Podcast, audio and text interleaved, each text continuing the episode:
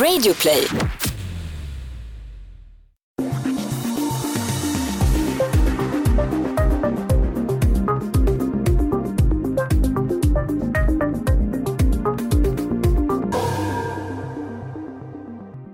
Ismar föds och växer upp i Bosnien men bestämmer sig i vuxen ålder för att flytta till Sverige. Hans fru och son är kvar i hemlandet och han drömmer om att någon dag kunna återförenas med sin familj igen. Men den drömmen hinner aldrig bli verklighet. I Sverige lär han känna Damir, som också han är född i Bosnien.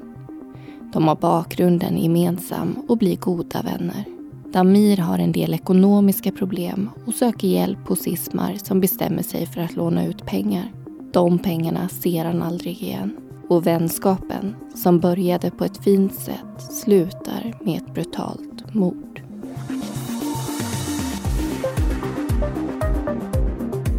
Du lyssnar på Mordpodden, en podcast om den mörka verkligheten.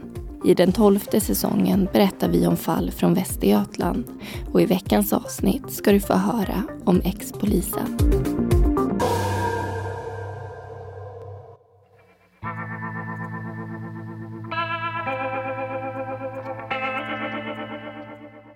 Hur det är att lämna sitt land, sitt hem och sin familj för att börja om på egen hand någon helt annanstans tror jag inte att man förstår om man inte har gått igenom det själv. Hur ensam man känner sig på en främmande plats där allting är nytt. Nya människor, ett nytt språk och en ny kultur att rätta sig efter. Det finns så många oskrivna regler som måste följas. Som att man i Sverige inte ska sätta sig bredvid en främling på bussen. Absolut inte komma för sent.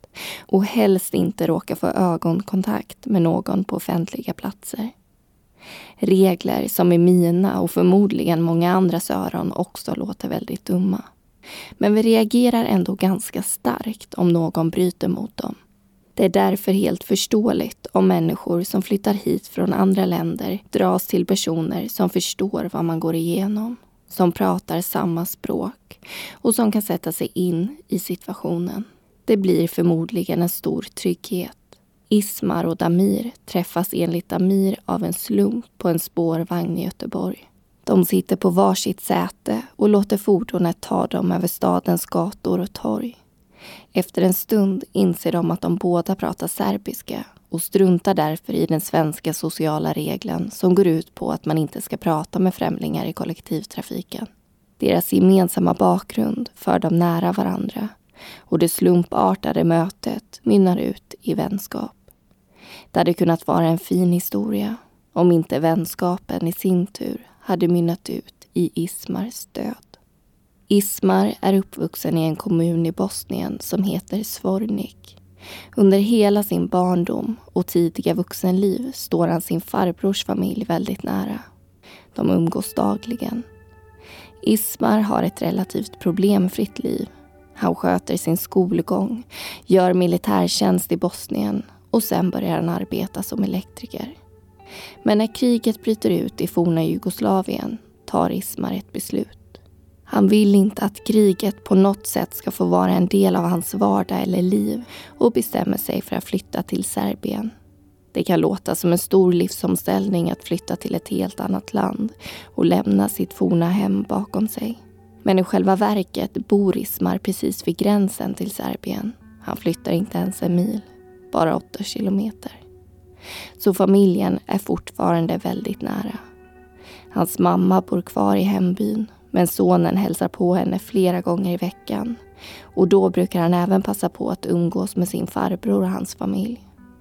Och så småningom köper även farbrorn en lägenhet i grannlandet i närheten av Ismars bostad. I det nya landet träffar Ismar sin stora kärlek. De bygger hus och gifter sig och får också barn tillsammans. 2007 flyttar Ismars farbror och familj till Sverige och några år senare bestämmer han sig för att göra samma sak, fast utan sin familj. Frun och sonen bor kvar i deras gemensamma hus i Serbien. Till en början flyttar han in hos sin farbror. Han bor inte där helt permanent utan i perioder för att däremellan lämna Sverige och åka hem och tillbringa tid med familjen. Ett kort tag flyttar han in hos en kvinna men de blir osams och Ismar flyttar snart tillbaka till sin farbror igen. De har uppenbarligen en väldigt nära och fin relation. Men enligt farbrorn och Ismars kusin gör han någonting som sätter allting i gungning. Han tar vid ett tillfälle pengar ifrån familjen utan att fråga om lov. Förmodligen hoppas han att det ska gå obemärkt förbi, men det gör det inte. Familjen upptäcker vad han har gjort och ser det som att han har svikit deras förtroende. De vill inte att han ska bo kvar hos dem längre. Ismar vill inte heller göra det utan bestämmer sig för att flytta till Göteborg.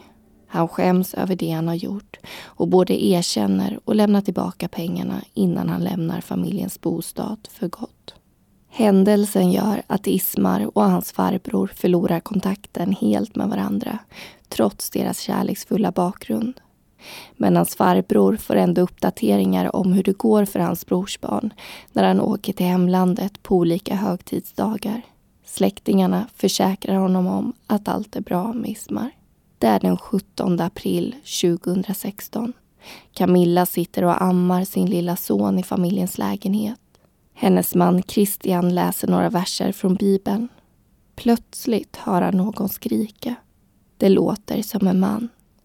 Han öppnar fönstret och tittar ut för att se vad som händer, men ser ingenting. Camilla, som inte har hört skriket, ber honom stänga det igen eftersom det drar kallt. Christian förklarar vad han hört och frun går också fram till fönstret för att se om hon ser någonting. Christian har nämligen inte sina glasögon på sig, så han kanske missar något. Men Camilla ser inte heller någonting anmärkningsvärt, förutom att någon springer ut från parkeringen. Christian säger att det kanske bara var någon som var full och härjade högljutt på grund av det. De stänger därför fönstret och återgår till sina sysslor. Camilla fortsätter ge sonen mat och Christian återupptar verserna i Bibeln. Men han hinner inte läsa många rader innan han blir avbruten av ytterligare ett skrik. Den här gången starkare och tydligare. Det är en man som ropar på hjälp upprepade gånger. Paret i lägenheten öppnar fönstret igen. De ser nu två män som bråkar på gatan utanför parkeringen. En av dem ramlar ihop på marken. Då ser de kniven i den andra mannens hand. Gör det inte, jag ringer polisen, skriker Christian och uppmanar Camilla att göra det. Hon ringer på en gång. Men mannen ute på gatan verkar inte bry sig det minsta om hotet utan fortsätter attackera mannen på marken. Han kollar inte ens åt parets håll. Flera grannar har hört och reagerat på oväsendet och sticker ut huvudena från sina fönster. Och deras vittnesmål ska bli avgörande i den kommande utredningen.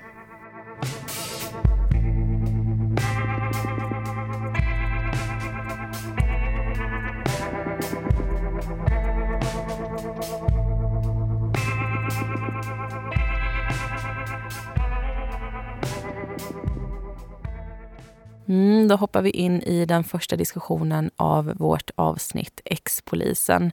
Vi har ju hört en del om Ismars liv och i berättelse två så ska vi få höra om Damirs. Men eh, först så ska vi gå in och prata lite närmare om ett par punkter i just det här fallet och även tacka för det här året. För eh, det här är ju det sista avsnittet som vi gör för 2019. Ja, det har ju varit en väldigt intensiv höst får man ändå säga. Vi har publicerat 12 avsnitt hos Radio Play uppdelat på två kortare säsonger. Och anledningen till att vi valde att ha två korta säsonger istället för en lång säsong. Det beror ju på att det här upplägget ger oss möjlighet att få lite researchtid däremellan, vilket vi kände att vi behövde. Men trots att det blev två säsonger så valde vi att ägna oss helt åt eh, Västergötland under hösten. Ja, det fanns ju väldigt mycket intressanta fall där och det fanns också mycket att ta av, alltså önskningar som kunde bli till avsnitt. Och i våras hade vi också två kortare säsonger, men då handlade det ju om Värmland och Medelpad. Och hur många säsonger och avsnitt det blir varje år, det är ju någonting som livet lite får bestämma för oss, för vi gör ju så mycket som vi hinner med. Ja, för vi får ju ganska ofta höra från er som lyssnar att ni vill ha mer avsnitt och att vi har för långa uppehåll. Och den kritiken den försöker vi faktiskt se som positiv för det innebär ju att ni vill höra mer av oss och det blir vi jätteglada över såklart. Men samtidigt så är vi alltid väldigt måna om att göra er nöjda så vi vill ju att ni ska känna att vi gör så gott vi kan för det gör vi verkligen. Och ska vi bara se till oss själva och vad som vore bäst för oss och vår ekonomi så skulle vi såklart publicera ett avsnitt varje vecka och aldrig ha några uppehåll. Men det funkar inte så för vi har ju fler saker att ta hänsyn till som vi anser är viktigare. För det första så vill vi förmedla de här fallen på ett så bra sätt som vi bara kan eftersom eh, det faktiskt är verkligheten vi pratar om och riktiga händelser vi förmedlar. Och det tar tid att sätta sig in i ett fall. Och vi är bara två personer som gör allt ifrån att svara på era kommentarer och mejl till att välja fall, begära ut material och handlingar och göra research och spela in och redigera. För det har ju hänt att vi har fått mejl där folk har skrivit att eh, jag vill gärna komma i kontakt med Mordpodden-redaktionen. Men det är alltså bara vi två som gör den här podden från början till slut. Och det är därför väldigt mycket jobb bakom ett avsnitt och det tar tid. Och det är omöjligt för oss att hinna med det på bara någon vecka och ändå göra det ordentligt och hålla samma kvalitet. Så vi har helt enkelt inte uppehållen för att vi är lata utan för att vi måste det. Mm. Och vi planerar ju ett år i taget och nästa år är ju inte helt spikat ännu. Så vi kan inte berätta så mycket mer än att vi planerar att fortsätta med podden. Men hur många avsnitt, hur många säsonger det blir, alltså, eller när vi drar igång, det är inte helt bestämt ännu. Och det blir extra svårt att planera just nästa år för jag ska nämligen ha mitt andra barn i februari. Och det är svårt nu att veta hur lätt eller svårt det kommer bli att göra podden samtidigt som jag har en tvååring och en liten bebis att ta hand om. När jag fick mitt första barn så jobbade jag väldigt mycket sena kvällar och nätter. Men den här gången kanske vi får ett barn som inte sover så bra, vad vet jag, och då funkar ju helt enkelt inte det upplägget. Så jag hoppas ni förstår och kan eh, ta hänsyn till att vi måste känna efter lite innan vi ger er några löften. För vi är ju också sådana personer att säger vi att vi ska göra ett visst antal avsnitt, då ser vi till att det händer också. Så det är därför vi inte vill lova utan eh, att veta att vi klarar av det först. Och nu pratar vi också om någonting som är en bra bit bort. Men vi vill ju helt enkelt passa på att informera er om eh, vad det är som händer och hur Mordpoddens framtid ser ut. Och när vi vet mer så kommer vi publicera det på Facebook och på Instagram. Så följer ni oss inte redan där, gör det så missar ni ingenting. På båda ställena så heter vi Mordpodden. Och så fort vi har information om säsonger, så fort vi har datum för säsongstarter, då är det där inne som ni kan läsa om det. Men nu släpper vi vår planering och hoppar tillbaka till det här specifika fallet, alltså ex-polisen. Och varför vi har döpt avsnittet till det, det kanske känns lite märkligt nu efter den första berättelsen, men ni kommer förstå det i nästa berättelse. Ismar och Damir finner alltså varandra och blir vänner. Och anledningen till att de dras till varandra från första början beror ju enligt Amir på att de inser att de pratar samma språk. Och jag kan verkligen förstå den här tryggheten som måste uppstå. Här har du flyttat till ett annat land. Du förstår inte vad folk runt omkring dig säger. Det kanske inte är någon som försöker prata med dig överhuvudtaget eftersom jag upplever i alla fall att svenskar generellt sett är väldigt reserverade. Och så stöter du av en slump ihop med en person som förstår dig, både verbalt men också förstår situationen som du befinner dig i. Jag vet själv hur det är när man är utomlands till exempel och så springer man på en svensk familj och klickar direkt just för att det känns bra och tryggt att ha hittat några som man känner sig hemma med på något sätt. Och då pratar vi alltså om semester i en vecka. Här är det personer som har flyttat själva och ska bo i ett helt nytt land. Mm, man ska inte underskatta den där tryggheten tror jag. För att hitta någon som man har gemensamt med, alltså, och det kan ju egentligen vara någonting annat än kultur och språk. Det kan vara ett intresse, en utbildning, ett yrke etc. Eh, det är ju väldigt givande att ha en koppling till människor, som att man känner igen sig och eh, känner sig bekväm med deras närhet. Och just kultur och bakgrund är ju väldigt stora saker. Det är mycket som räknas in där. Så det kan nog vara skönt tror jag att känna sig hemma även när man är väldigt långt hemifrån. Och med det så tycker jag faktiskt att vi släpper den här diskussionen så att vi alldeles strax kan lyssna vidare på berättelsen. Och precis som vi lovade så ska ni få lära känna Damir lite bättre.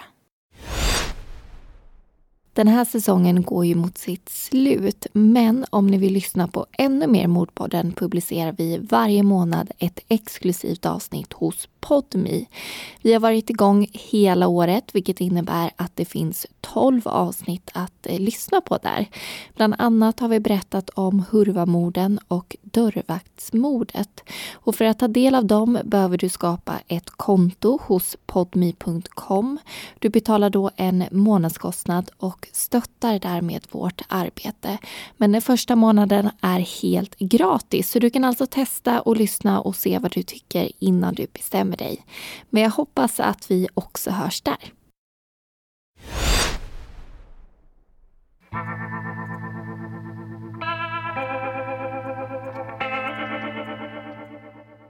1992 är ett stort år i Damirs liv. Han gifte sig med en kvinna som han känt i drygt ett år och påbörjar även sin karriär inom polisväsendet i Bosnien. Tanken från början var att han skulle bli hundförare och han gick också en utbildning i det men hamnade istället i en reservstyrka som tillhörde poliskåren. Fyra år senare går han en ettårig kurs och blir efter den befordrad till insatsstyrkan. Hans och kollegornas arbetsuppgifter går bland annat ut på att ta hand om säkerheten kring stora möten och evenemang för att motverka upplopp i stora folksamlingar. Och de kallas även in när man ska gripa grova brottslingar. De får helt enkelt åka ut på ärenden där den vanliga polisen behöver extra hjälp.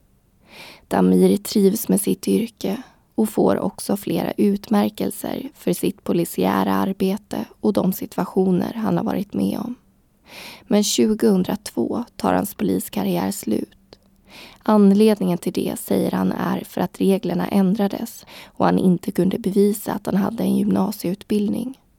Skolan som han hade gått hade brunnit ner så det gick inte att få tag i hans betyg. Så det fanns inget annat alternativ för Damir än att säga tack och hej till polisyrket och lägga de tio åren där bakom sig. 14 år senare skulle han dock återigen befinna sig på en polisstation. Men den här gången i Sverige och i egenskap av en misstänkt mördare. Efter att ha avslutat sin karriär som polis får han ekonomin att gå ihop genom att jobba som vakt på ett café och som hantverkare på olika byggen. Han jobbar även på fabriker som tillverkar fönsterkarmar och snacks. Men trots att han jobbar mycket är ekonomin i knipa. Hans familj vittnar om ett spelberoende och höga skulder.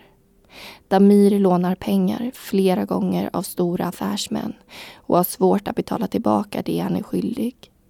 Han är inne i en ond cirkel, vilket är lätt att hamna i om man är uppslukad av spelens värld. Man vill så gärna vinna tillbaka pengarna man har förlorat.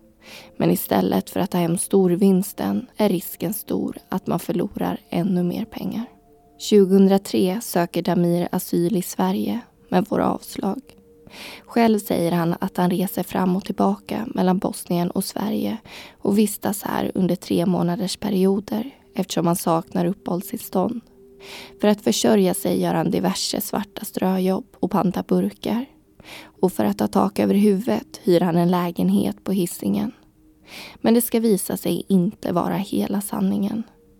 Damir uppehåller sig i Sverige mycket mer än vad han själv vill erkänna. För att kunna göra det har han två pass. Ett serbiskt och ett bosniskt som han använder om vartannat för att komma in i Sverige. När det kommer till arbete har han inte bara små svartjobb utan arbetar mer eller mindre fast på olika byggen i Göteborgsområdet. Och för att lösa uppehållstillståndsproblematiken letar han intensivt efter en kvinna att gifta sig med. Kärlek är inte nödvändigt. Han kan tänka sig att betala för att få gifta sig om det behövs. Bara han får sina papper. Hans före detta fru, som han har barn tillsammans med, skilde han sig med 2007. Men de bor också i Sverige nu och håller kontakten med Damir.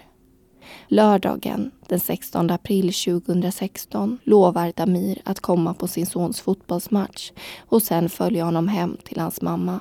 Damir blir bjuden på middag hos sin exfru och samtalsämnena kring matbordet kretsar mest kring fotboll och sonens prestation på matchen. När tallrikarna är tomma och magarna mätta dricker de lite kaffe innan det är dags för Damir att säga hej då och röra sig mot bussen. Dagen därpå försöker både exfrun och barnen få tag i Damir. De ringer flera gånger, men får inget svar.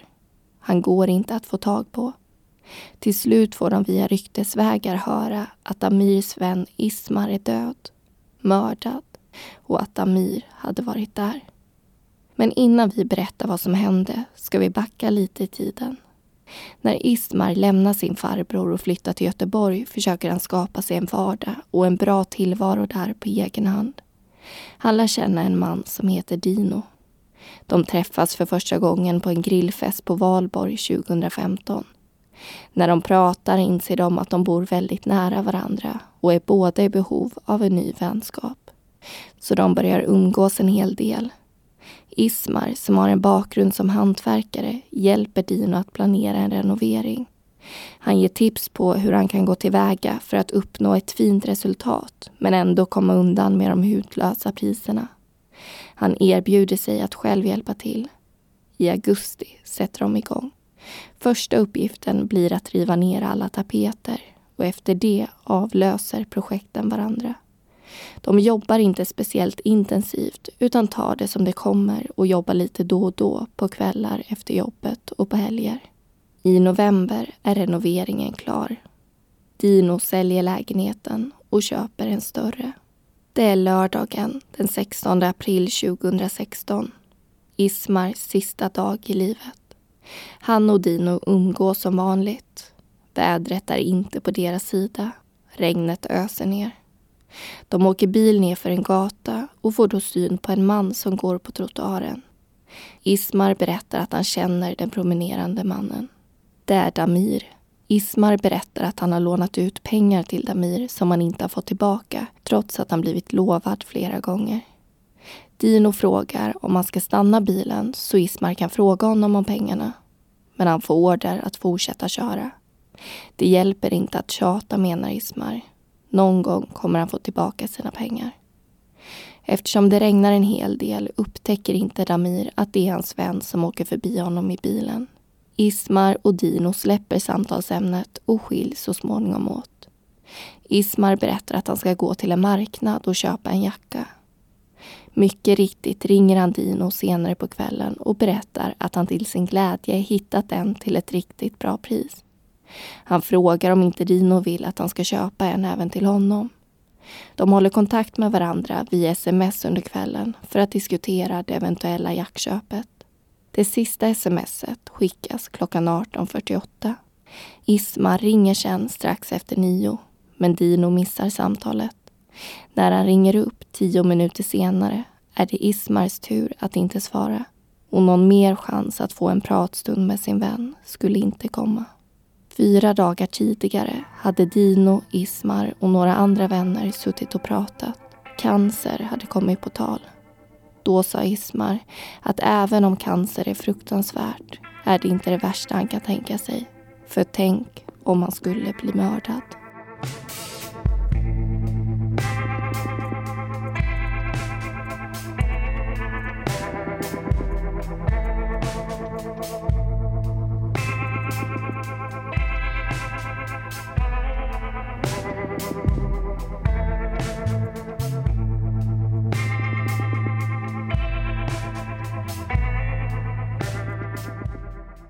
Mm, och då vill vi välkomna er in i studion. Vi har ju ett par punkter att gå igenom som är specifika för det här fallet och jag tänkte att vi ska börja med att diskutera Damir och Ismars relation.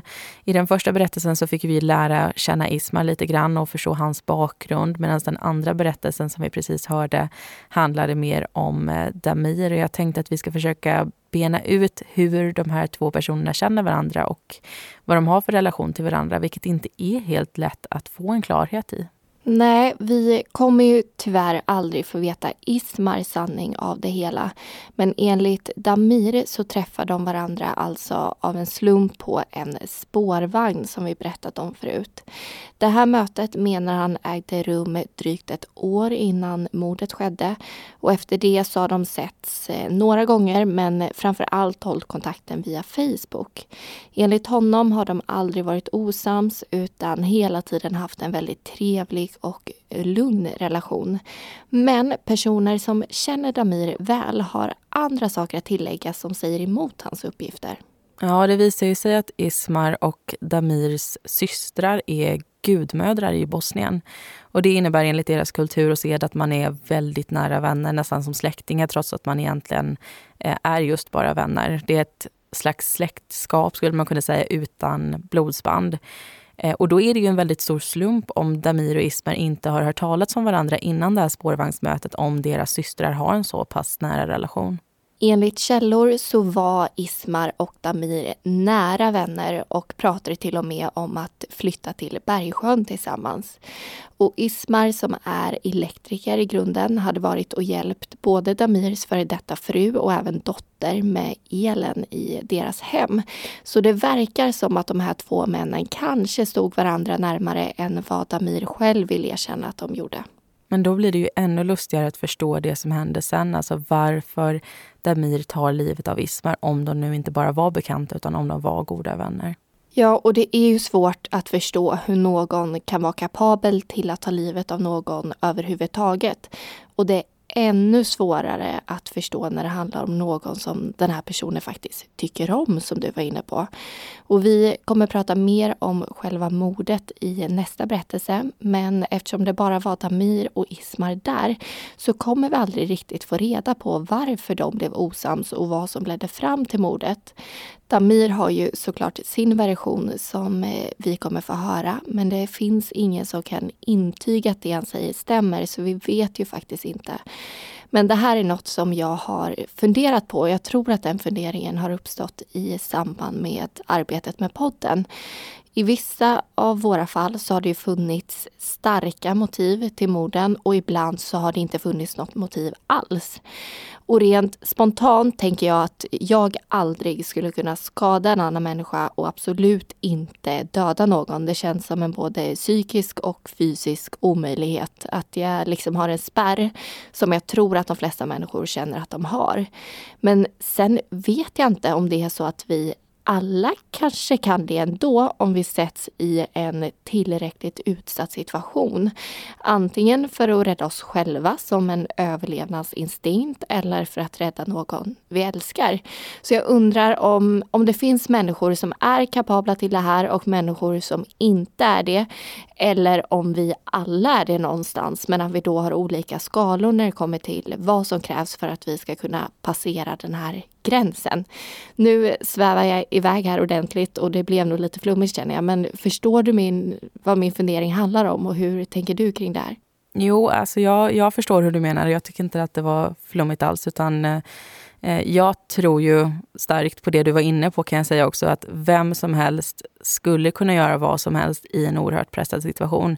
Eh, det är någonting som jag tror. Och det, det är lite baserat på det här du kom in på också, det här med överlevnadsinstinkten.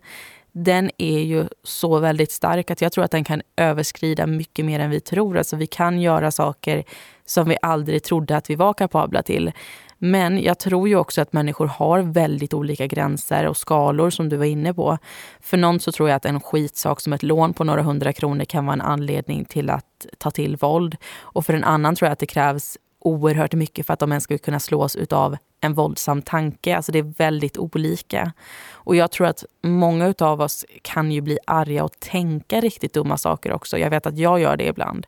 Men att sen ta den där tanken och agera på den, det är ju ytterligare en gräns. Och där tror jag att de flesta inte vill passera den.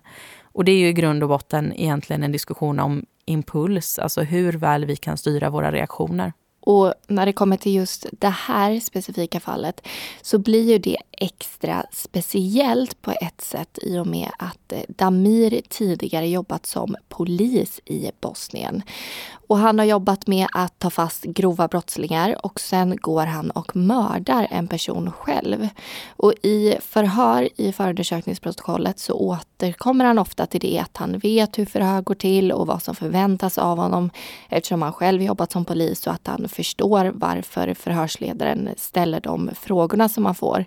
Men ändå så gör han ofta tvärt emot vad han säger. Han säger till exempel att han vet hur viktigt det är att han talar sanning samtidigt som han ljuger om småsaker, vilket såklart sårar hans trovärdighet. Mm. Och det är ju unikt att han har varit på båda sidorna, så det är det ju säkert för honom också att ens överhuvudtaget sitta i den situationen. Att en tid i sitt liv ha skyddat människor i samhället mot de som vill dem illa och sen bli en av de där personerna som alltså kategoriseras som farlig för allmänheten. Och det här handlar ju inte bara om en trafikförseelse eller någon smågrej utan det är ju faktiskt ett mord vi pratar om. Och vi ska alldeles strax hoppa tillbaka till berättelsen och lyssna på slutet av avsnittet. Men först vill vi passa på att önska er lyssnare en riktigt god jul. Ja, det vill vi definitivt göra. Och eftersom vi gör en podd om ett så tungt ämne så vill vi också passa på att påminna om att julen inte bara är färgglad och härlig utan kan faktiskt vara en väldigt jobbig tid för många. Speciellt om man har förlorat någon. Då är det ju sådana här dagar som man blir extra påmind om att någon fattas. Så vi vill också skicka en tanke till alla som har förlorat någon morgon och som kanske har en tyngre jul framför sig. Och med det så rundar vi av. Vi ska få höra vad som eventuellt hände i den där lägenheten när mordet skedde. Men kom ihåg nu att det här är Damirs version och det är också den enda versionen som finns. Så om den stämmer eller inte, det kommer vi aldrig få veta. Men eh, den låter i alla fall så här.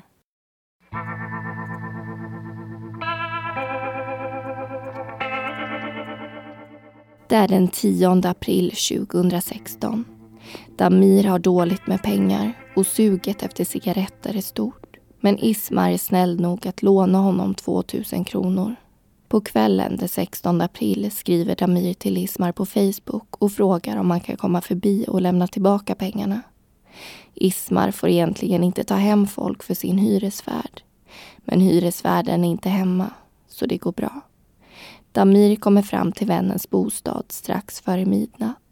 Med sig har han en plånbok som är fylld med 14 000 kronor i kontanter. 9 000 är 500 sedlar som han fått av sin arbetsgivare på morgonen och 2 800 kronor som han har fått av sin dotter. Resten har han skrapat ihop genom att panta burkar. Vännerna sätter sig i köket och pratar och skrattar. Damir blir bjuden på ett glas whisky men Ismar äter medicin så han dricker ingen alkohol själv. Så småningom tar Damir upp sin välfyllda plånbok för att göra sig skuldfri och betala tillbaka det han är skyldig. Men då får Ismar syn på de nya 200-sedlarna och blir väldigt fascinerad eftersom han inte har sett sådana förut. Damir lämnar plånboken på bordet så Ismar kan titta på pengarna medan han själv gör ett besök på toaletten. När han kommer tillbaka tar han upp sin plånbok och stoppar den i fickan utan att ha lämnat över de 2000 kronor som han är skyldig Ismar. Det blir helt enkelt inte av att han betalar tillbaka. De kommer sen in på ett helt annat samtalsämne. Deras familjer. Det är nu allting vänder. I alla fall om man ska tro Damir.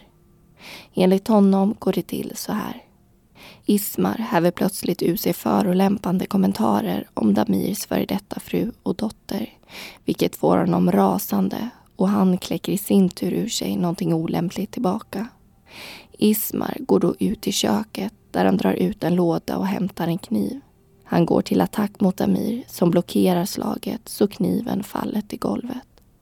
Damir tar upp den samtidigt som han vrider om Ismars arm och menar att han då av misstag kan ha råkat hugga honom i ryggen eller magen eftersom han hade kniven i handen. Bråket fortsätter utanför lägenheten i trapphuset. Damir försöker springa ut från byggnaden men Ismar följer efter och kommer ikapp honom utanför porten. Kniven växlas fram och tillbaka mellan männen. Ismar springer över gräset och skriker efter polis. Damir springer efter för att lugna honom och ber honom följa med tillbaka in i lägenheten. Kniven stoppar han i jackfickan för att visa att han inte planerar att använda den.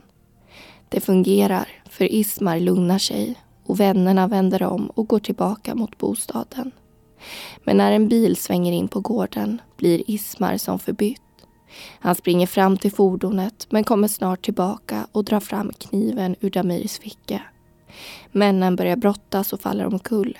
Kniven åker i marken och Damir skyndar sig att ta upp den. Han menar att han av misstag ramlar över Ismar och då råkar hugga honom igen. Han springer sen från platsen och tappar mordvapnet på vägen. Det är mitt i natten och han försvinner rakt in i den mörka skogen. Efter ungefär tio minuter kommer han fram till en väg där han försöker stoppa bilister, men ingen stannar. Han fortsätter gå tills han ser en skylt som skvallrar om att det ligger en bensinmack i närheten och tänker att den kanske är öppen. Han möter tre personer som han försöker förmå att ringa polisen men de lyssnar inte på honom utan hoppar in i en bil och åker iväg. Till slut kommer det en polisbil. Damir viftar med armarna för att få dem att stanna. Han försöker kommunicera på knagglig svenska. Problem, får han fram. Samtidigt gör han en huggande rörelse med armen för att visa vad han syftar på. I samband med det grips han och transporteras till polishuset. Roger och hans kollega sitter på polisstationen när larmet kommer. Det framgår att en man ligger på marken och ropar på hjälp.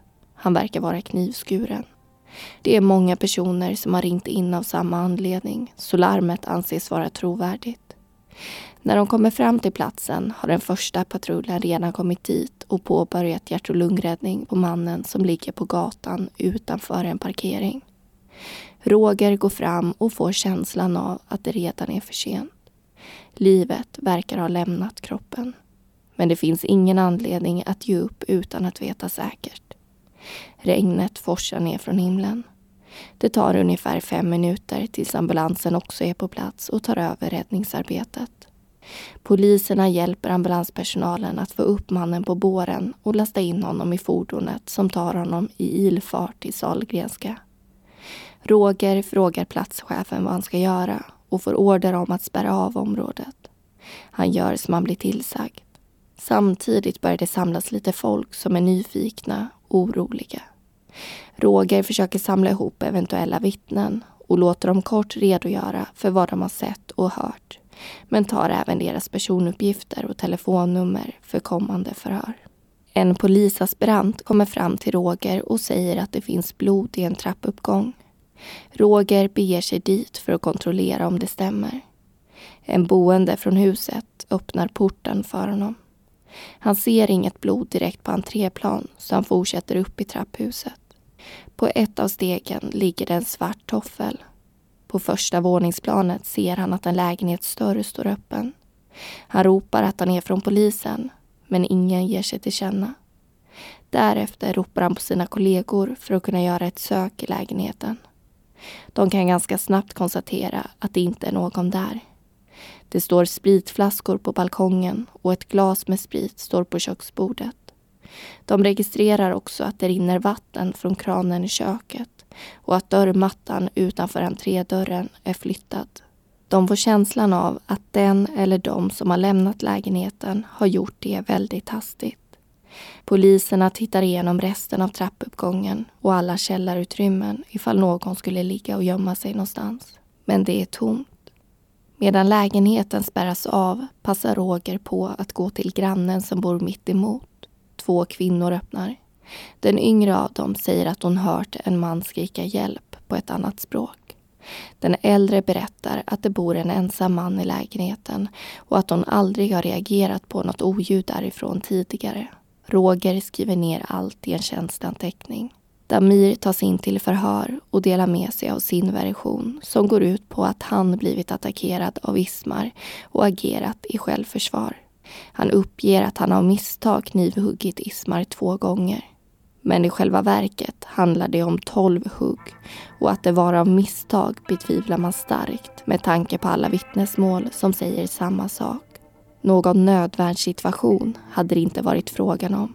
Alla har sett Damir gå till attack mot Ismar och inte tvärtom.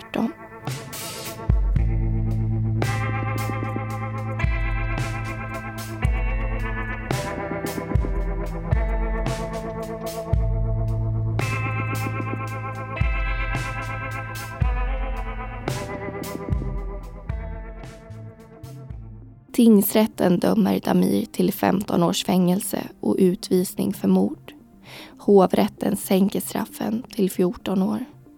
Och det var allting vi hade att berätta om ex-polisen.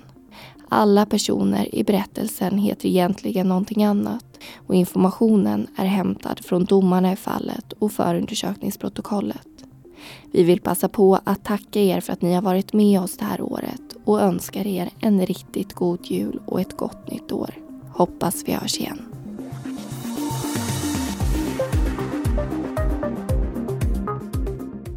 Du har lyssnat på Mordpodden. Vi som har producerat den heter Amanda Karlsson och Linnea Bolin. Bakgrundsmusiken var bland annat Soaring av Kevin MacLeod och Deep Space av Audionautics.